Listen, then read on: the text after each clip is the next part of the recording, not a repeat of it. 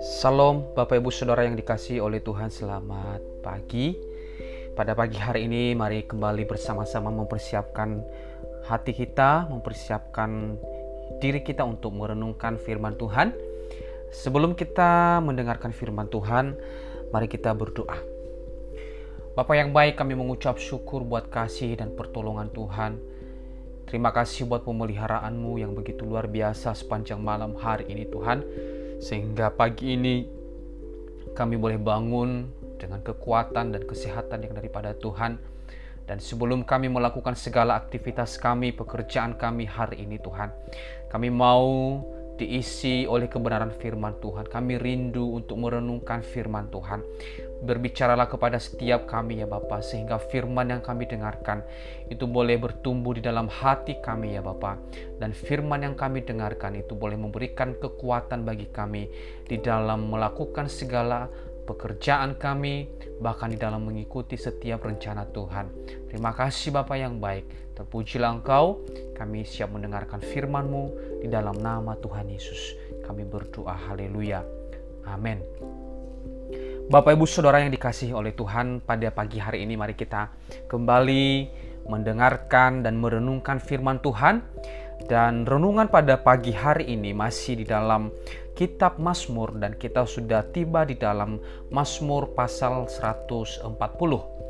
Nah, di dalam pasal yang 140 Bapak Ibu Saudara, eh, firman Tuhan memberikan judul di dalam eh, judul perikop yang tercatat di sana yaitu doa meminta perlindungan terhadap orang-orang jahat.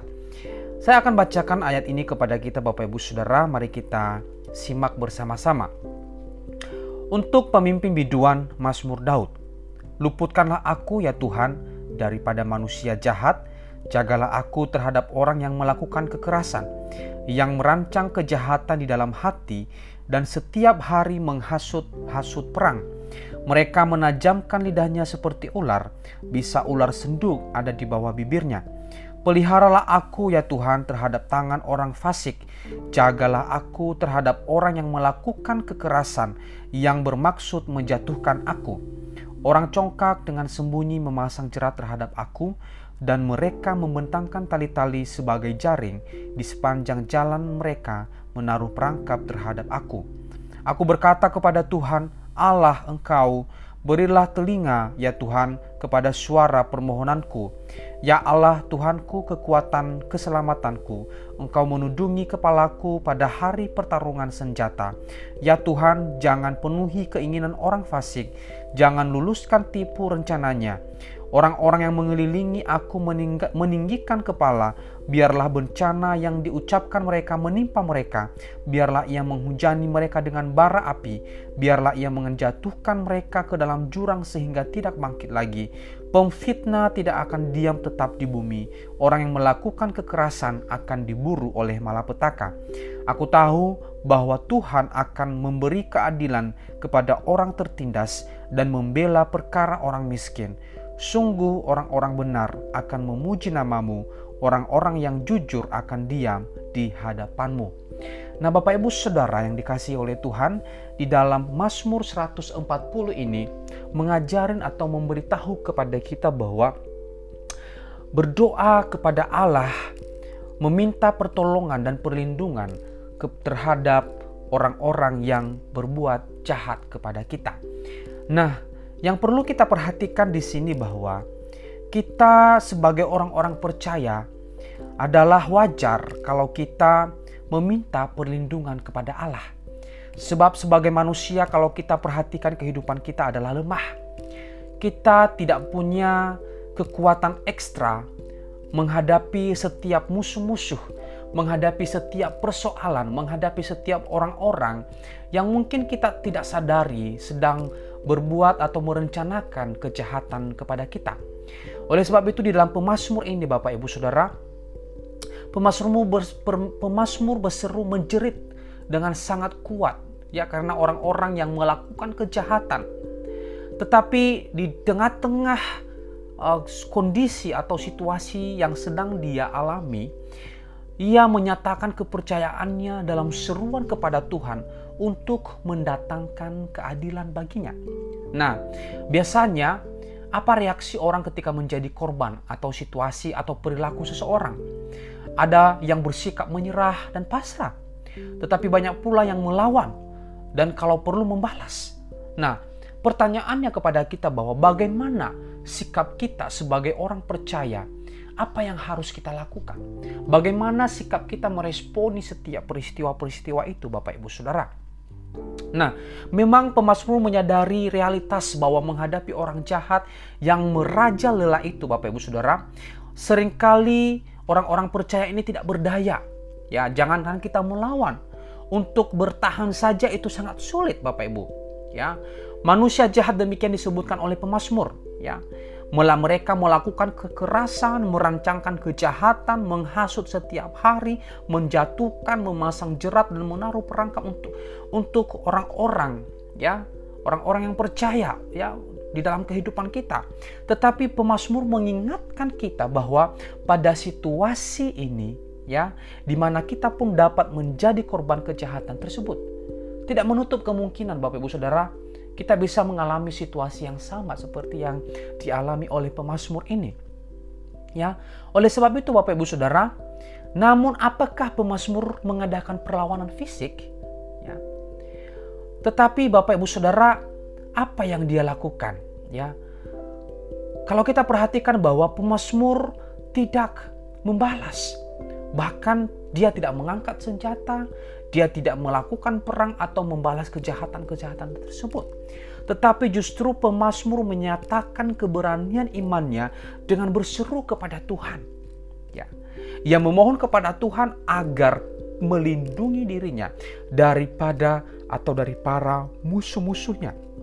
Di dalam ayat yang ketujuh dan ayat yang kedelapan, ya di sana dicatat bahwa aku berkata kepada Tuhan, Allah engkau, berilah telinga ya Tuhan kepada suara permohonanku. Ya Allah Tuhanku, kekuatanku, keselamatanku, engkau menudungi kepalaku pada hari pertarungan senjata. Ya Tuhan, jangan penuhi keinginan orang fasik, jangan luluskan tipu rencananya. Nah, Bapak Ibu Saudara, di sini kita bisa melihat bahwa pemazmur meminta pertolongan kepada Tuhan, menyatakan imannya dengan sungguh-sungguh di tengah-tengah situasi yang sedang dia hadapi. Ia mempercayakan dirinya kepada Tuhan. Tuhan akan bertindak adil, membela dan melindungi orang-orang yang tertindas dan tidak berdaya. Ya, oleh sebab itu Bapak Ibu Saudara, mari kita pastikan ya setiap kehidupan kita kepada siapa kita harus datang. Ketika kita melalui sebuah persoalan, ketika ada orang yang berniat atau berbuat jahat atau yang memfitnah, memfitnah kita Bapak Ibu. Apa yang kita lakukan? Ya, apa yang kita lakukan? Apakah kita melawan? Apakah kita bertengkar? Apakah kita memaki-maki orang tersebut? Apakah kita uh, melakukan hal yang lebih jahat kepada orang tersebut. Bapak Ibu Saudara firman Tuhan pada pagi hari ini mengajarkan kepada kita bahwa kita tidak boleh membalas kejahatan dengan kejahatan. Tetapi hendaklah sikap kita meminta pertolongan kepada Tuhan. Meminta Allah melindungi kita dari niat-niat orang jahat. Pemasmur mengajak kita untuk mengidentifikasikan diri sebagai orang yang tertindas dan miskin tetapi benar dan jujur di hadapan Tuhan. Ini yang perlu kita lakukan. Kita menunjukkan kejujuran kita di hadapan Allah ya. Berarti yang utama adalah kita harus hidup benar di hadapan Tuhan.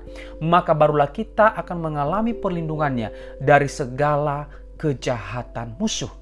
Bagaimanapun kejahatan musuh-musuh iman kita, betapapun ganas dan seolah-olah tak terkalahkan Bapak Ibu. Ya, tetapi ingat, di hadapan Allah yang perkasa semua itu tidak ada apa-apanya.